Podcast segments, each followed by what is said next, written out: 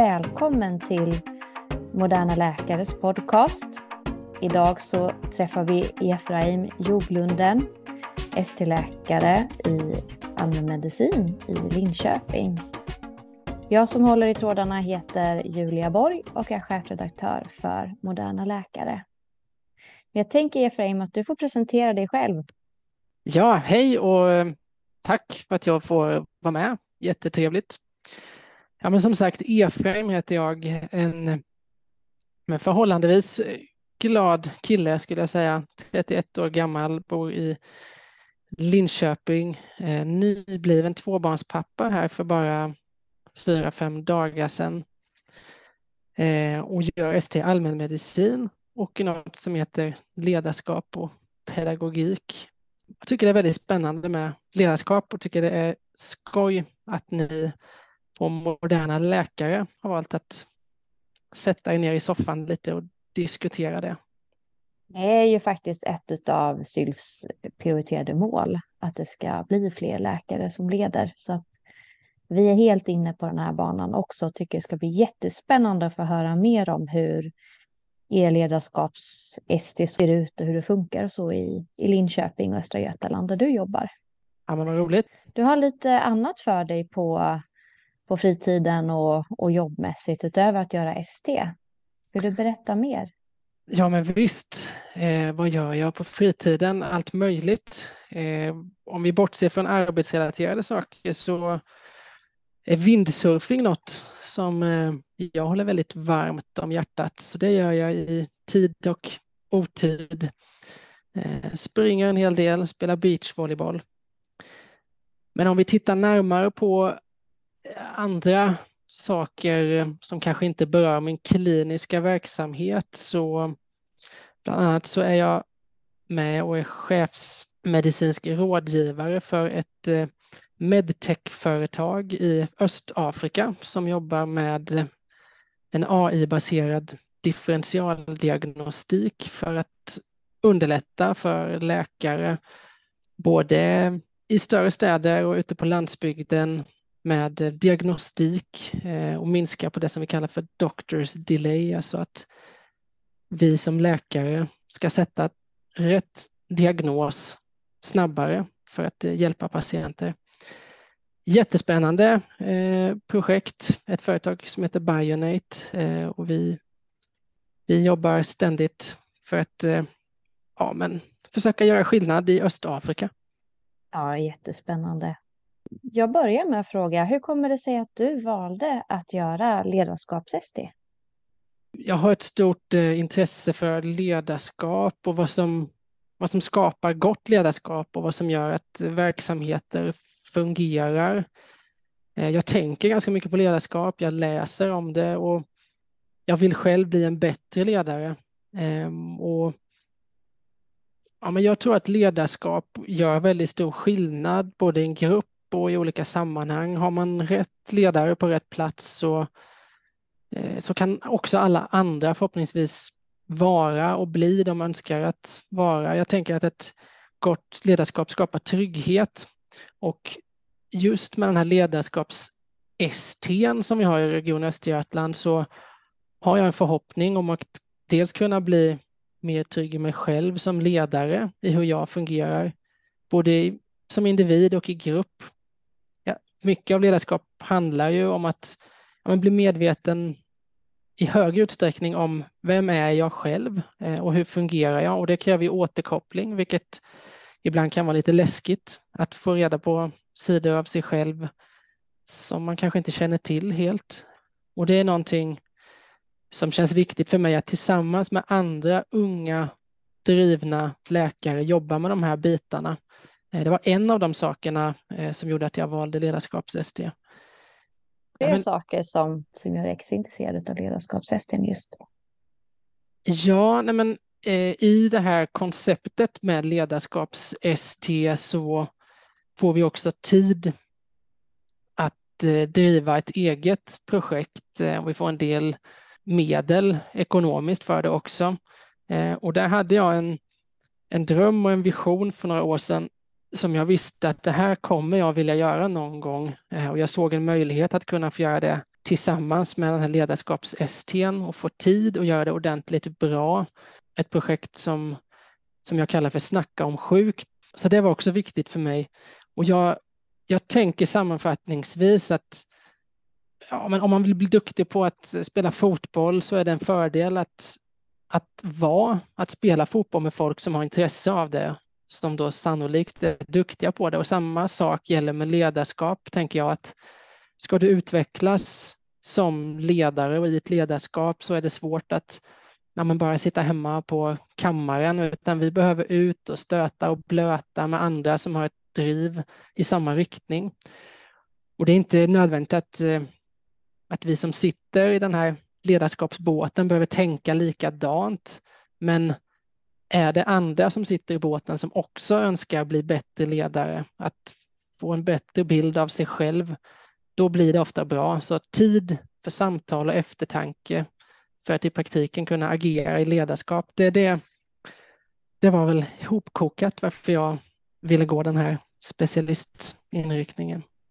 Mm. Hur ser upplägget ut i Östergötland då, för den ledarskaps som, som du går? Ja, nej, men vi träffas eh, ungefär två till fyra gånger per termin i den grupp av ST-läkare som är del av det här utbildningsprogrammet. Just nu tror jag vi är mellan 10 och 15 stycken. Eh, och det är en väldigt bredd av olika grundspecialiteter som vi har. Någon är patolog, någon är thoraxkirurg, det finns någon klinisk genetiker.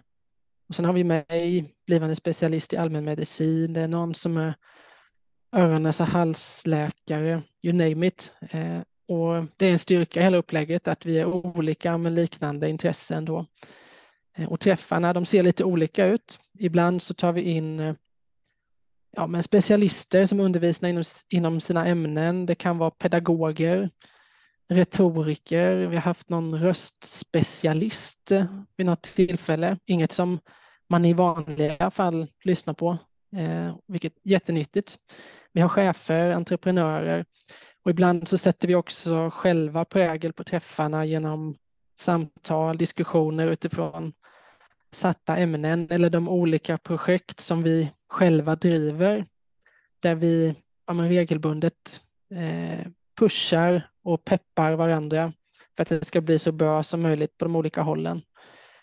Och utöver det så har vi också ja, några separata, ofta externa kurser inom just ledarskap och pedagogik där, där jag vet att det också finns en möjlighet att skugga en chef, kallar man det, eh, där vi om vi har intresse kan gå med och auskultera någon av de högre cheferna inom eh, regionen för att få en inblick i hur de arbetar. Och hela det här leds av en studierektor då som har ett driv och engagemang för att fler läkare aktivt ska arbeta med sitt ledarskap och jobba med förändringsarbete och få ut oss i verkligheten när vi blir specialister.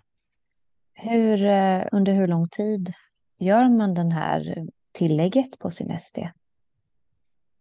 Ja, men man kan egentligen så fort man har fått sin ST så kan man kliva på den här eh, specialisttjänstgöringen också och eh, i tid så är det ja, men drygt en månad per år man har. Så går man fem år ST så är det alltså ungefär ett halvår till eh, som man har för den här STn.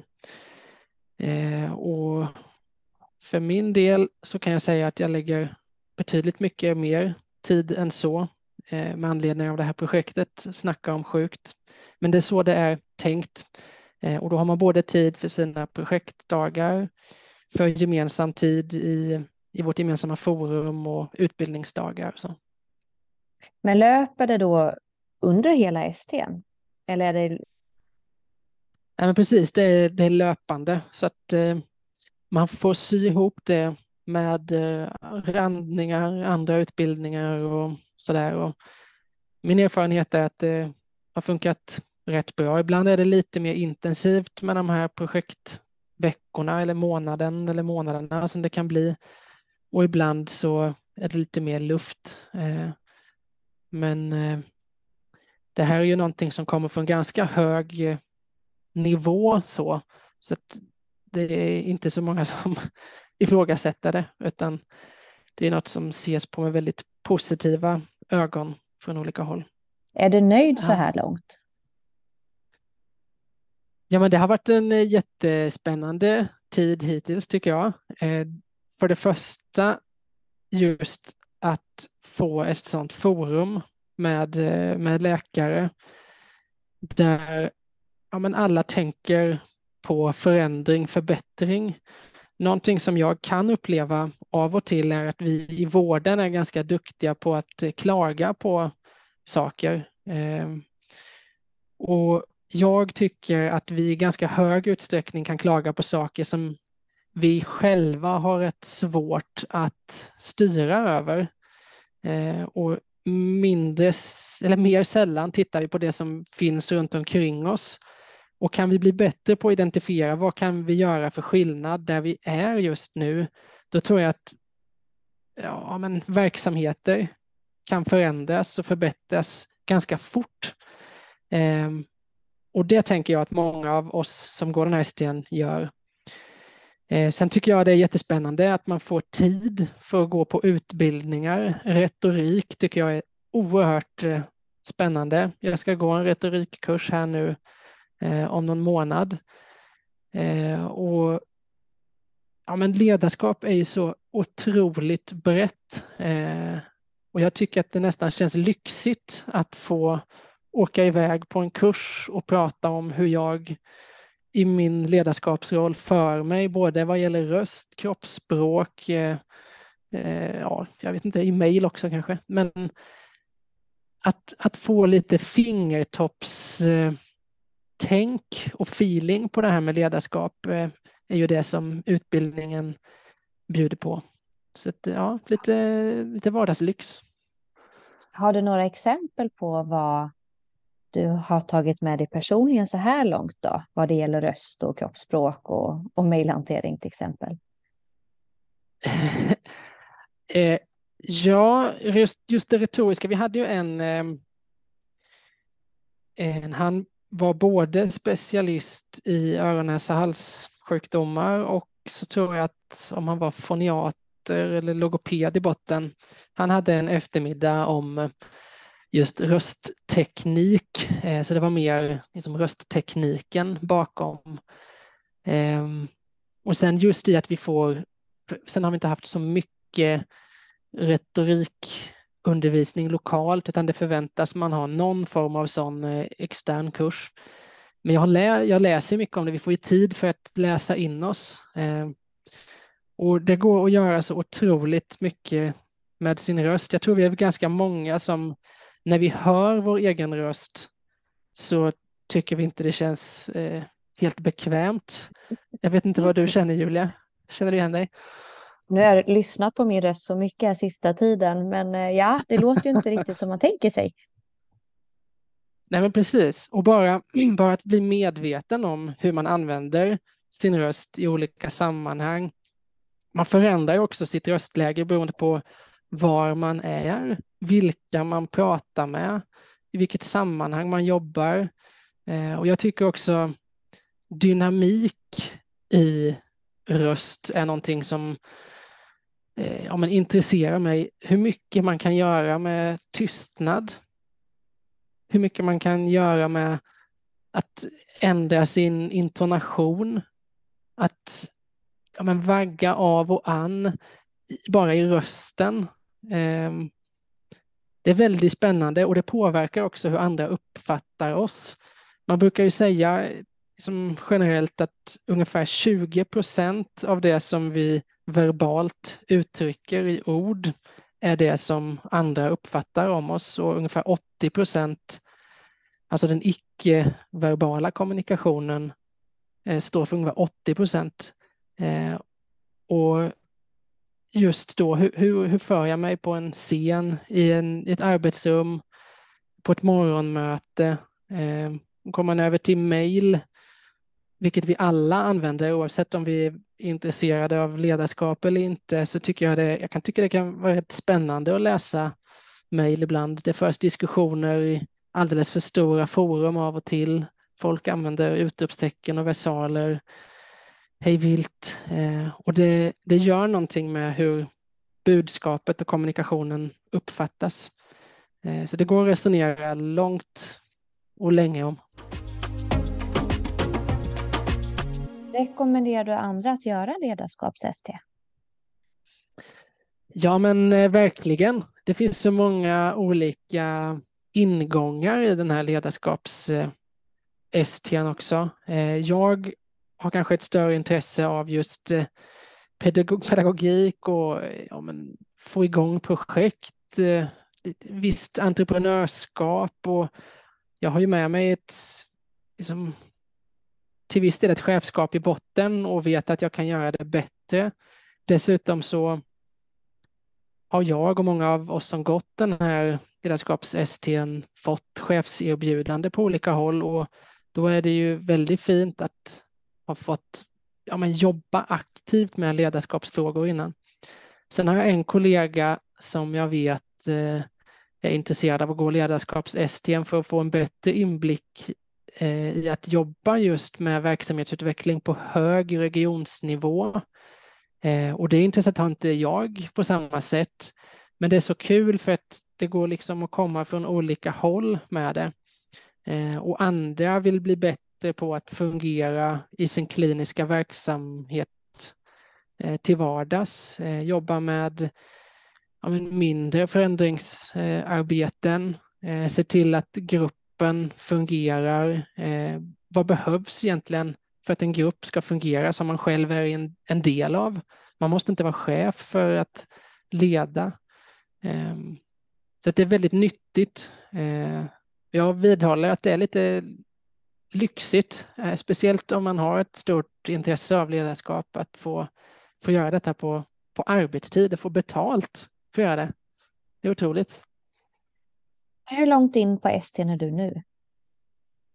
Jag kliver snart in på mitt femte och sista år faktiskt. Så att nu gör jag mina sista skälvande steg på um, några, några slutgiltiga randningar här. Ehm, så att eh, jag tror det är till som, nästa sommar så är jag tanken att jag ska vara fullfjädrad specialist. Började du med ledarskapshästen med en gång eller var det någonting som ja, du hoppade in på en bit in på STn?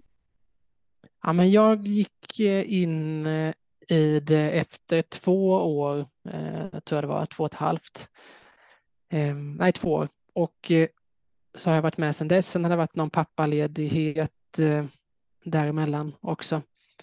Och sen var det pandemi som dök upp och då var det väl inte lika frekvent utan vi doktorer behövdes på andra ställen sades det. Så lite käppar sådär. Men eh, det man kan eh, kliva med, jag tror inte man ska gå in precis i slutet av sin ST utan man ska ändå ha möjlighet att driva igenom det här projektet så som det är tänkt här i regionen. Kommer du att skugga någon chef? Ja, alltså när jag, när jag klev med i detta så var ju absolut eh, tanken det. Sen har det varit så himla mycket annat med alla projekt eh, och under pandemin så fanns det ingen möjlighet att göra det egentligen. Men det är någonting som jag tycker hade varit väldigt intressant. Jag kan uppleva att eh, det ibland eh, kan vara lite motigt att ha ett att driv som ung ledare. Jag tänker inte att ålder är någonting som borde spela någon större roll när det kommer till ledarskap. För mig är det egentligen viktigare att en ledare eh, är fylld av ett driv, ett engagemang, en eld, eh, någon form av ja, men ödmjukhet, att man bryr sig om de man jobbar med snarare än att man måste vara ultrakompetent.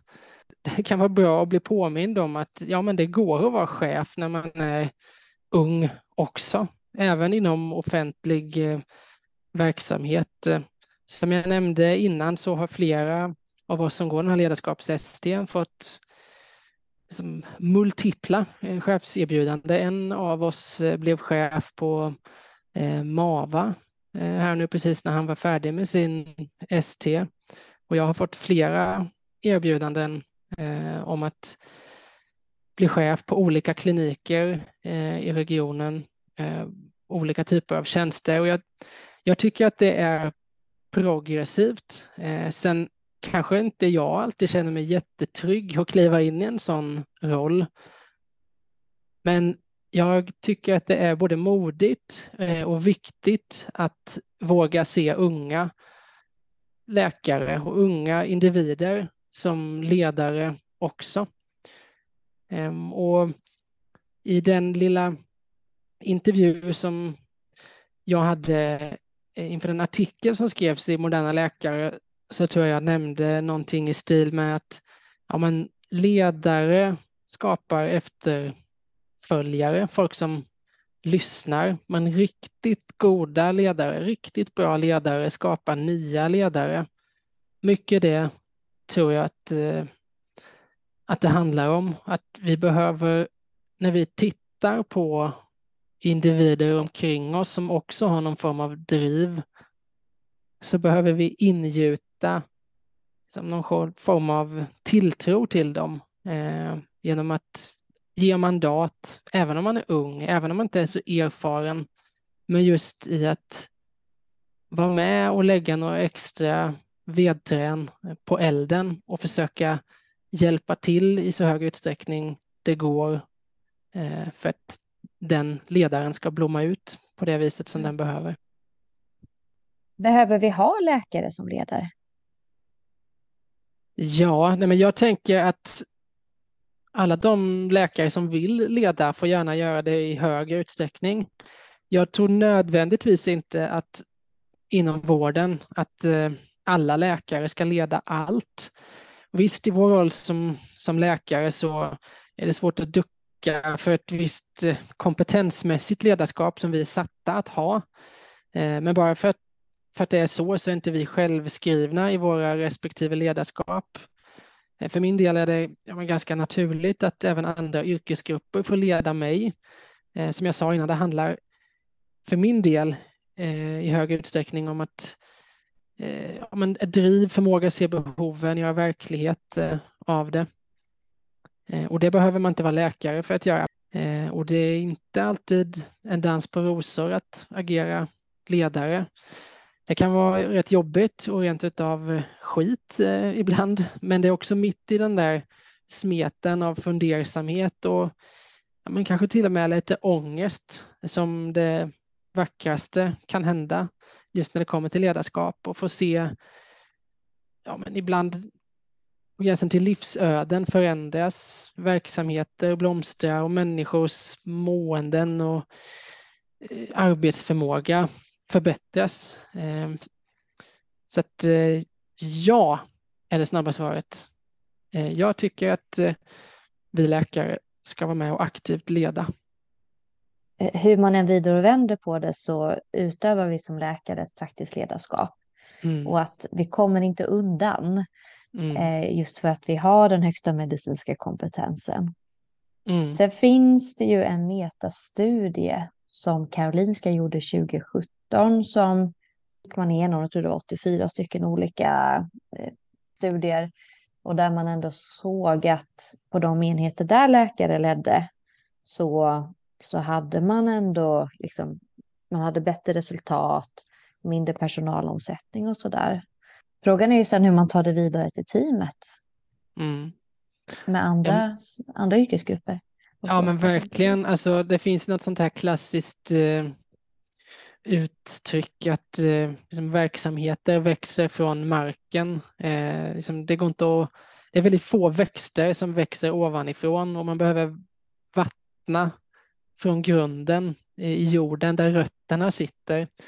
Eh, där i vården då, där fotfolket är, där vi som är kliniker eh, fungerar. Och det inkluderar ju både läkare, fysioterapeuter, undersköterskor, sköterskor, eh, hela, hela kalaset. Och där är det ju så viktigt att man inte bara jobbar med ledarskapet då ett, en våning upp, utan att vi läkare, för jag misstänker att det är flest läkare som lyssnar på den här podden, eh, att vi läkare också tar det ansvaret i våra team, i våra arbetsgrupper. Eh, jag kan berätta eh, om en liten grej som jag fick för mig att göra för några år sedan på min vårdcentral där jag jobbar. Ehm, och det handlade just om det här med att jag tycker att vi ibland tenderar att eh, klaga lite för mycket. Så att jag startade ett projekt eh, som jag kallade för Kex Maria eh, i motsats till Lex Maria, där Lex Maria i hög utsträckning handlar om att identifiera vad vi gör fel och sen se till att vi inte gör de felen mer. Eh, men Kex Maria handlar istället om att identifiera vad vi gör bra för att se till att vi fortsätter göra de bra sakerna ännu bättre. Eh, så att eh, jag fick några APT av min chef. Vi köpte in 400 kexchoklad och sen så gick jag igenom vad en strukturerad och klok feedback kan innehålla och sen fick alla medarbetare på eh, min enhet eh, som ett litet uppdrag att under den kommande månaden ge positiv, alltså mjuka paket egentligen, positiv återkoppling enligt en strukturerad modell där man förklarade vad, vad andras beteenden får en att känna, vilka goda känslor det får en att känna. Eh, och på den här månaden så hade jag flera seniora specialister som snart ska gå i pension som kom fram till mig och sa att på en månad har jag fått mer återkoppling än under hela mitt yrkesliv. Eh, mm. och det är både fantastiskt att höra att det går att göra skillnad, eh, men också lite mörkt att vi inte eh, kommunicerar ordentligt. och det, sådana här saker behöver man inte ha namn på ja. Eh, utan det här, liksom, dels ett självledarskap och ett, ett aktivt ledarskap där man väljer att kanske gå någon extra meter på jobbet för att omgivningen ska må bättre. Eh, det finns ett begrepp som kallas för social inlärning som kort och gott betyder att, eller innefattar att mm, våra beteenden påverkar miljön, men miljön kan också påverkas av beteenden. Jag tror alla som lyssnar på detta någon gång har varit på någon form av arbetsplats där man har känt att åh, vilken tung stämning det är här.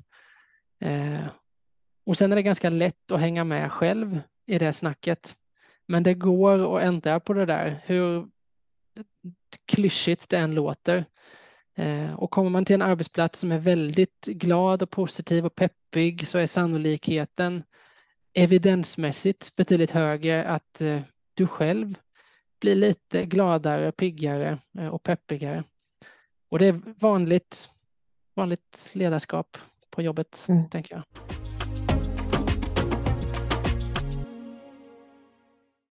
Jag tänker att du ska få berätta lite om det projektet som du driver eh, också. Ja, gärna. Men då har jag alltså under vingarna för min ST-ledarskap eh, fått starta ett projekt eh, som jag kallar för Snacka om sjukt. Eh, och för några år sedan så, så kände jag att det är väldigt många unga i vårt samhälle som kommer till akutsjukvård ehm, och primärvård främst, kanske också till viss del psykiatrin, som är oroliga för allvarlig sjukdom. Eh, man kommer med ont i bröstet, ont i huvudet, ont i magen och många tänker att det kan röra sig om cancer eller hjärtinfarkt. Man har en oro för sin, eh, ja, men, sina somatiska symptom. Eh, och jag började fundera lite på det där och insåg att nej, men vi lär ju oss egentligen inte någonting om den sjuka kroppen i, i grundskolan eh, eller på gymnasiet i Sverige. Vi lär oss väldigt mycket. Alltså vi har en fantastisk skola när man jämför globalt. Eh, men vi, vi lär oss inte någonting om den sjuka kroppen. På sin höjd så kikar man på hur många lungor man har, att det finns något som heter mitokondrie och vi lär oss laga mat och tvätta, men inte så mycket om vad gör jag när kroppen känns sjuk egentligen. Eh, så att jag åkte runt till eh, ett gäng rektorer och inom elevhälsan här i Linköpings kommun och hörde efter hur de arbetar. Och där framkom det ganska tydligt att man har resurser nästan enbart för att jobba reaktivt med ungdomars eh, liksom mentala hälsa. När någonting väl händer, då gör man någonting. Och det är ju ineffektivt, det är kostsamt och eh, det ger inte samma effekt helt enkelt som om man jobbar preventivt. Och när jag tittade steget ytterligare så är det väldigt tydligt att ja, men från myndighetshåll så säger man att eh, det, det finns ingen organiserad systematisk verksamhet gentemot eh, eh, mental hälsa eh, preventivt inom skolverksamheten i Sverige. Och samtidigt så ser vi enligt Folkhälsomyndighetens rapporter att den milda psykiska ohälsan, och då pratar vi om ja, men ångest, oro, stress snarare än den, den allvarliga psykiska ohälsan eller svåra psykiska ohälsan med svåra depressioner och ätstörningar och psykoser och sådär. Det man ser med den milda psykiska ohälsan är att det går åt fel håll. Tre av fyra 16-åriga flickor har symptom regelbundet av sin stress, oro och ångest. Eh, somatiska mycket. symptom. Ja, det är jättemycket. Och siffrorna för pojkar är lite lägre men också skrämmande höga. Och något som inte jag visste eh, för några år sedan var att utöver att man ser att den här milda psykiska ohälsan, den hör ju samman med att man har svårare att skaffa jobb så småningom, eh, att bilda familj, men också så ger det en ökad risk för suicid senare i livet. Det hade jag ingen aning om. Och det är också skrämmande, eh, tycker jag.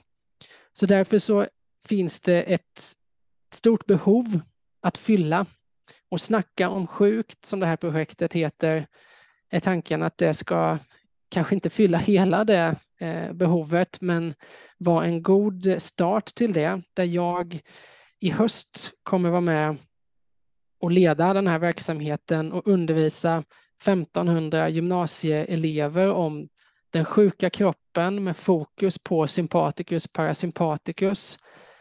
Vad är det som händer i kroppen när vi blir stressade? Men också vilka är de här farliga sjukdomarna?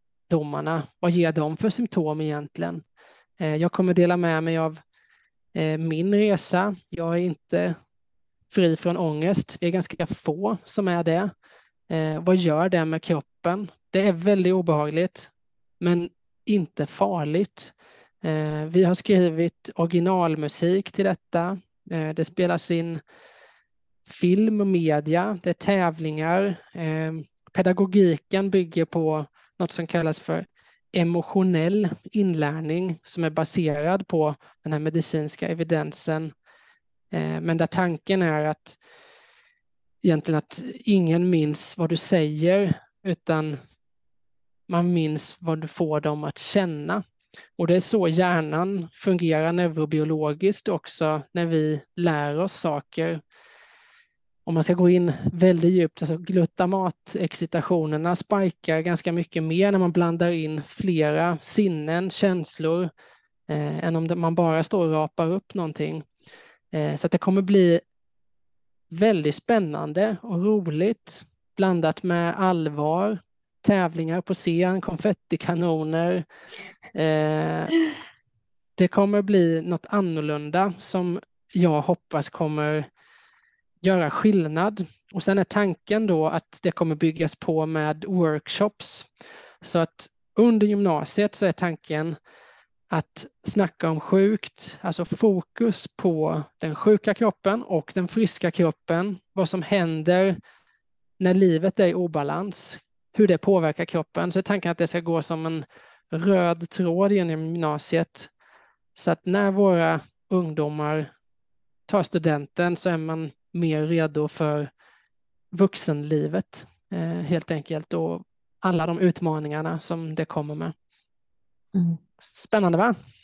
Verkligen och väldigt viktigt också att få lära sig lite strukturerat. För jag tror att det är en form av livskunskap som, mm. vi inte riktigt får med oss idag från vår uppfostran och från skolan och från sociala medier. Mm. Nej, men det är bara som en sån sak att vi i Sverige bor längre ifrån varandra än i något annat land i världen egentligen. Om det är tillsammans med Finland så har vi flest ensamhushåll i världen.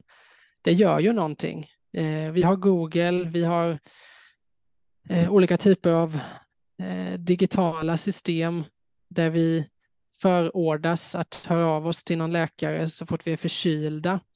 Där tanken är att lära unga i viss utsträckning att eh, fundera lite själv. Vad är det just nu som gör att min kropp inte känns som den brukar göra? Oftast är det inte en hjärntumör, vilket jag har haft en hel del unga vuxna under 25 år som har sökt till mig för. Eh, och det är ju för det första en ganska jobbig känsla och tanke att ha. Jag har en hjärntumör, jag kanske dör snart. Det är ju hemskt. Eh, och den ångesten är ju tuff att de ska behöva gå med. Så förhoppningen är att det här kan hjälpa till och men gå in innan man får den här ångesten.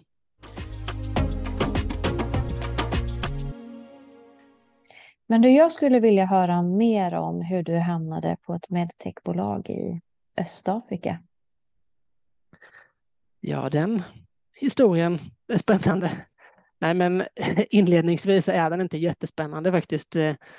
Vi, en, jag ska säga att min, min klasskamrat Josef Murad, han är en driven individ. Eh, många tycker att jag är ganska driven eh, i mina projekt och så där, men han är någon form av unikum. Vi gick i samma klass eh, och han tillsammans med sin bror som är datasnille och deras pappa som var professor i matematik skapade en algoritm. De kände att det borde gå att lösa mycket snabbare. Och sen så var Bionate igång eh, och jag var väldigt tidigt på och är med som delägare där och har fått vara med att dels här i Linköping driva en verksamhet där vi jobbade mycket med eh, Eh, det medicinska, att få in medicinsk data i den här programvaran på ett eh, strukturerat sätt som den kan jobba med.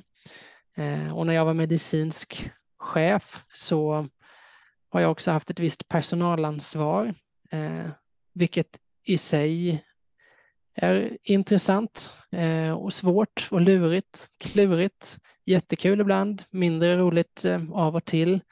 Har jobbat en del med rekrytering eh, och det som kommer därtill, de svårigheter eh, det kan medföra. Men framför allt så har jag fått eh, vara med och utveckla ett system som faktiskt eh, ja, man räddar liv, eh, vilket är väldigt uppmuntrande. Vi, eh, vi finns ju främst i Kenya just nu och kommer framöver gå in i Sydafrika är planen. Men vi får ju rapporter därifrån om eh, individer som är långt ifrån konventionell sjukvård. Eh, för något halvår sedan så var det en gammal man som började må dåligt eh, och hans son hade vår programvara på sin mobil och fyllde i symptomen och så där och sa åt sin pappa vi måste åka in, vi måste åka in. Eh, och pappan sa nej, men jag vägrar. Det här går över. För det är dyrt eh, i andra länder att, att söka vård och få behandling. Eh, men när vår programvara visade att det här, du, behöver, du behöver åka in, eh, då var det triageringsfunktionen som gick igång. Det här skulle kunna vara en begynnande sepsis. Så eh, gick pappan med på det och på vägen in så sjönk han i medvetande och var väldigt eh, illa däran när han väl kom in till motsvarande akuten på det sjukhuset. Ehm, och när han hade hämtat sig, tack och lov så småningom, så sa läkarna till sonen att eh, hade ni varit någon timme eller ett par timmar senare så hade han nog inte levt vid det här laget. Och det är väldigt häftigt att ha fått vara med här i Sverige och få bygga ett eh, system, en produkt som är med och räddar människor på andra sidan jorden. Eh, och det, vad är det den här algoritmen gör? Det den gör sammanfattningsvis är att den räknar ut utifrån alltifrån epidemiologi till symptom till etiologi. Eh, vilka diagnoser är mest sannolika utifrån given eh, situation? Eh, och utifrån mer data som vi skickar in så renderar den om. Så har man labb, har man röntgen så underlättar det för programvaran. Och sen presenterar den för läkaren de mest sannolika diagnoserna, vad som är klokt att göra för att komma vidare i diagnostiken och hur man behandlar eh, kort och gott. Är, det låter så oerhört avancerat. Det det är avancerat. Jag kan väldigt lite om AI ska jag säga. Jag eh, jobbar med det medicinska och jag överlåter allt det där krångliga till ingenjörerna med mm. varm hand. Eh, men det som är så spännande med Östafrika är att de har kommit väldigt långt med sin digitala infrastruktur där. Man var före oss med motsvarande Swish. Eh, och jag har varit nere ett gäng vändor i Uganda, Tanzania, Etiopien och det slår en varenda gång att eh, just mobiltelefoni, det är de duktiga på. Eh, och sen så har man andra förutsättningar på, på sjukhusen där nere. Jag har ju i det här projektet varit nere och jobbat i Uganda bland annat. Träffade en narkosläkare där som var ja, men 35-årsåldern som hade fått gått halva sin ST eh, och sen så blev han utskickad för att han behövde så mycket och han var dygnet runt jour på det sjukhuset som låg tre timmar från närmsta universitetssjukhus kan man säga, eller närmsta sjukhus. Dygnet runt jour 355 dagar om året. Honom, så frågade jag honom, hur, hur orkar du med detta? Hur fixar du med att jobba så här? Och då såg han sig som en, en pilot, sa han, att jag vet att jag är den enda som kan liksom initierar många av de här processerna med narkoser och kirurgiska interventioner. Sen när väl flyget är uppe, då finns det andra som kan ta hand om patienterna och serva dem. Eh, men sen så behöver jag också landa. Det är det jag behöver göra. Eh, och ibland så kraschlandar jag, men jag kan inte sätta mig i ett hörn varenda gång jag kraschlandar, för då är det inga plan som kommer lyfta. Eh, och på det sättet så, det, så tänker vi inte i Sverige. För att vi har ju på något sätt lyxen att inte behöva tänka så, för vi har så otroligt mycket mer resurser. Ehm, ändå är vi ganska stressade. Med, med rätta till viss del, absolut. Ehm, men jag tycker det är spännande att få lite perspektiv på, mm. på livet, arbetslivet. Så mm. Ja, verkligen. Eh, min, eh, min sista kurs som jag gjorde på läkarlinjen var just global hälsa. Då åkte vi till Uganda. Mm. Och ett av mina mesta minnen därifrån är hur vi åker ut till en sån här primärvårdsenhet och det enda de har där är antihistaminer. Oj, oj, oj. Allt annat är slut. Alltså de, de, hade ju läst samma böcker som vi hade. De visste mm. ju hur, mm. hur man effektivast behandlar både det ena och det andra. Men som de sa, we work with what we have and mm. this is what we can do right mm. now. Eh, och det ger ju verkligen perspektiv på liksom, den västerländska sjukvården och, mm. och, och, med alla våra brister och eh, eh, tillkortakommanden så det är en annan sak. Man har mm. helt andra resurser att jobba med i låg och medelinkomstländer. Ja. Mm. Ja, det var kul att höra att du också har varit där. Det, mm. det gör något med en. Jag vet att, eh, om man börjar som en sån sak, att många som kommer till primärvårdsenheter som då har antibiotika, till skillnad från den du var på, eh, har man en lunginflammation och kommer till mig, då får man ju vanligen KVPenin eller något annat som är väldigt smalt så. Men där borta så ger man ju gärna något eh, med rejält riv i, alltså eh, ordentliga grejer, bredspektrum. Och det handlar inte om att eh, de läkarna där inte har kunskap i det utan att har man åkt motorcykel tre timmar enkel resa, betalat för det, sålt en ko och sen inte har råd med att bo på sjukhuset i massa dagar för att den här KVPeninen då motsvarande som kanske har effekt i ett land som inte har samma resistensläge som oss. Det är jättedyrt och då blir de ännu sjukare nästa gång och till slut söker mm. man inte så att då får man någon jag vet inte, tassosin-ekvivalent eller cefotaxim liknande historia kanske. Eh, och så får man gå hem med det. Blir billigare, går snabbare. Mm. Eh, men det är ju, det går ju att fundera över det, men i de sammanhangen, då behöver man jobba så.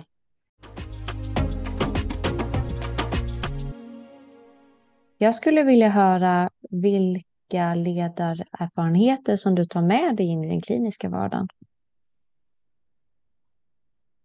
Ja, nej men något som jag försöker påminna mig själv om ofta och som jag tror att vi läkare behöver bli ännu bättre på. Vissa av oss är jättebra på det, men vi behöver bli riktigt duktiga på att se andra. Och då syftar jag kanske inte främst på patienterna utan våra övriga kollegor också. Att eh, lyssna ännu mer. Eh, jag vet att ibland pratar man om att den här hierarkin som, eh, som är känd liksom globalt eh, i sjukvårdssystemen, där vi kompetensmässigt då ska leda teamen, eh, att det har blivit mindre påtagligt, men det finns ju där och det gör ju någonting med oss också. Något som jag har tänkt på mycket senaste tiden är att bara det faktum att jag är välutbildad, eh, att jag också är man och också är ganska lång. Eh, det är saker som, som jag inte går runt och har tänkt på. Men det gör att, att omgivningen ser på mig på ett sätt som jag nödvändigtvis inte ser på mig själv på. Vi lever i ett samhälle som är liksom patriarkalt eh, det händer grejer, jättebra, men det är fortfarande liksom inte jämlikt.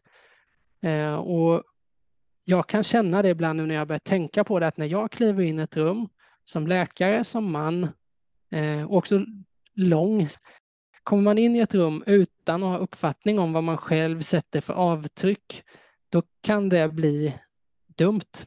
Eh, så jag tycker vi som läkare oavsett om vi är långa eller korta. Vi behöver fundera på vad, vad vi sänder för signaler för att folk ser på dig som lyssnar Eh, som en ledare oavsett hur aktiv du är i din roll.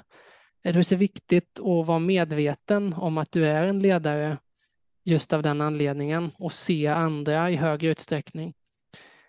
Eh, och jag tycker också det här jag nämnde lite innan att, att vattna i din omgivning, att det händer grejer från botten.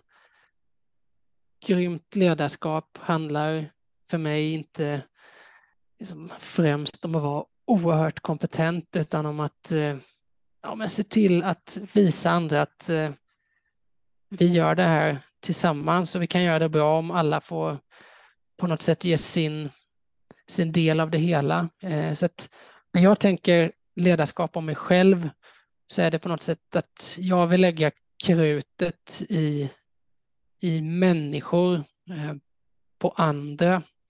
Eh, och jag är långt ifrån att vara någon form av fulländad eh, ledare i det och kanske blir vi aldrig det. Eh, men jag försöker att på något sätt bli allt mer medveten om mina egna nuvarande begränsningar och se hur jag kan på något sätt sätta mål som ligger än längre fram på något vis. Mm. Vad har du för mål då framöver? Vad vill du göra med allt du har fått lära dig och allt som du har gjort hittills? Wow, men just nu utöver att jag precis fått en liten son och agerar ledars, ledare i form av pappa eh, för andra gången så är ju det här snacka om sjukt någonting som jag har stora förhoppningar ska bli någonting som inte bara sker i, i Linköpings kommun utan gärna på nationell nivå. Eh, och där hoppas jag ju kunna få leda andra unga läkare som jag hoppas kunna få jobba med, psykologer, eh, att få vara med och driva förändringsarbete, personalfrågor eh, och också då att genom det ledarskapet få se unga vuxnas mentala hälsa förbättras.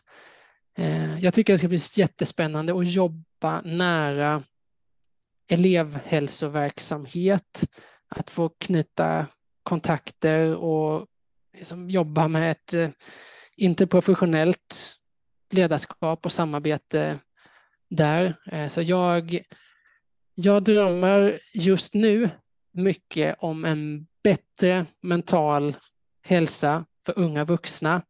Främst för deras skull, men också för vår skull.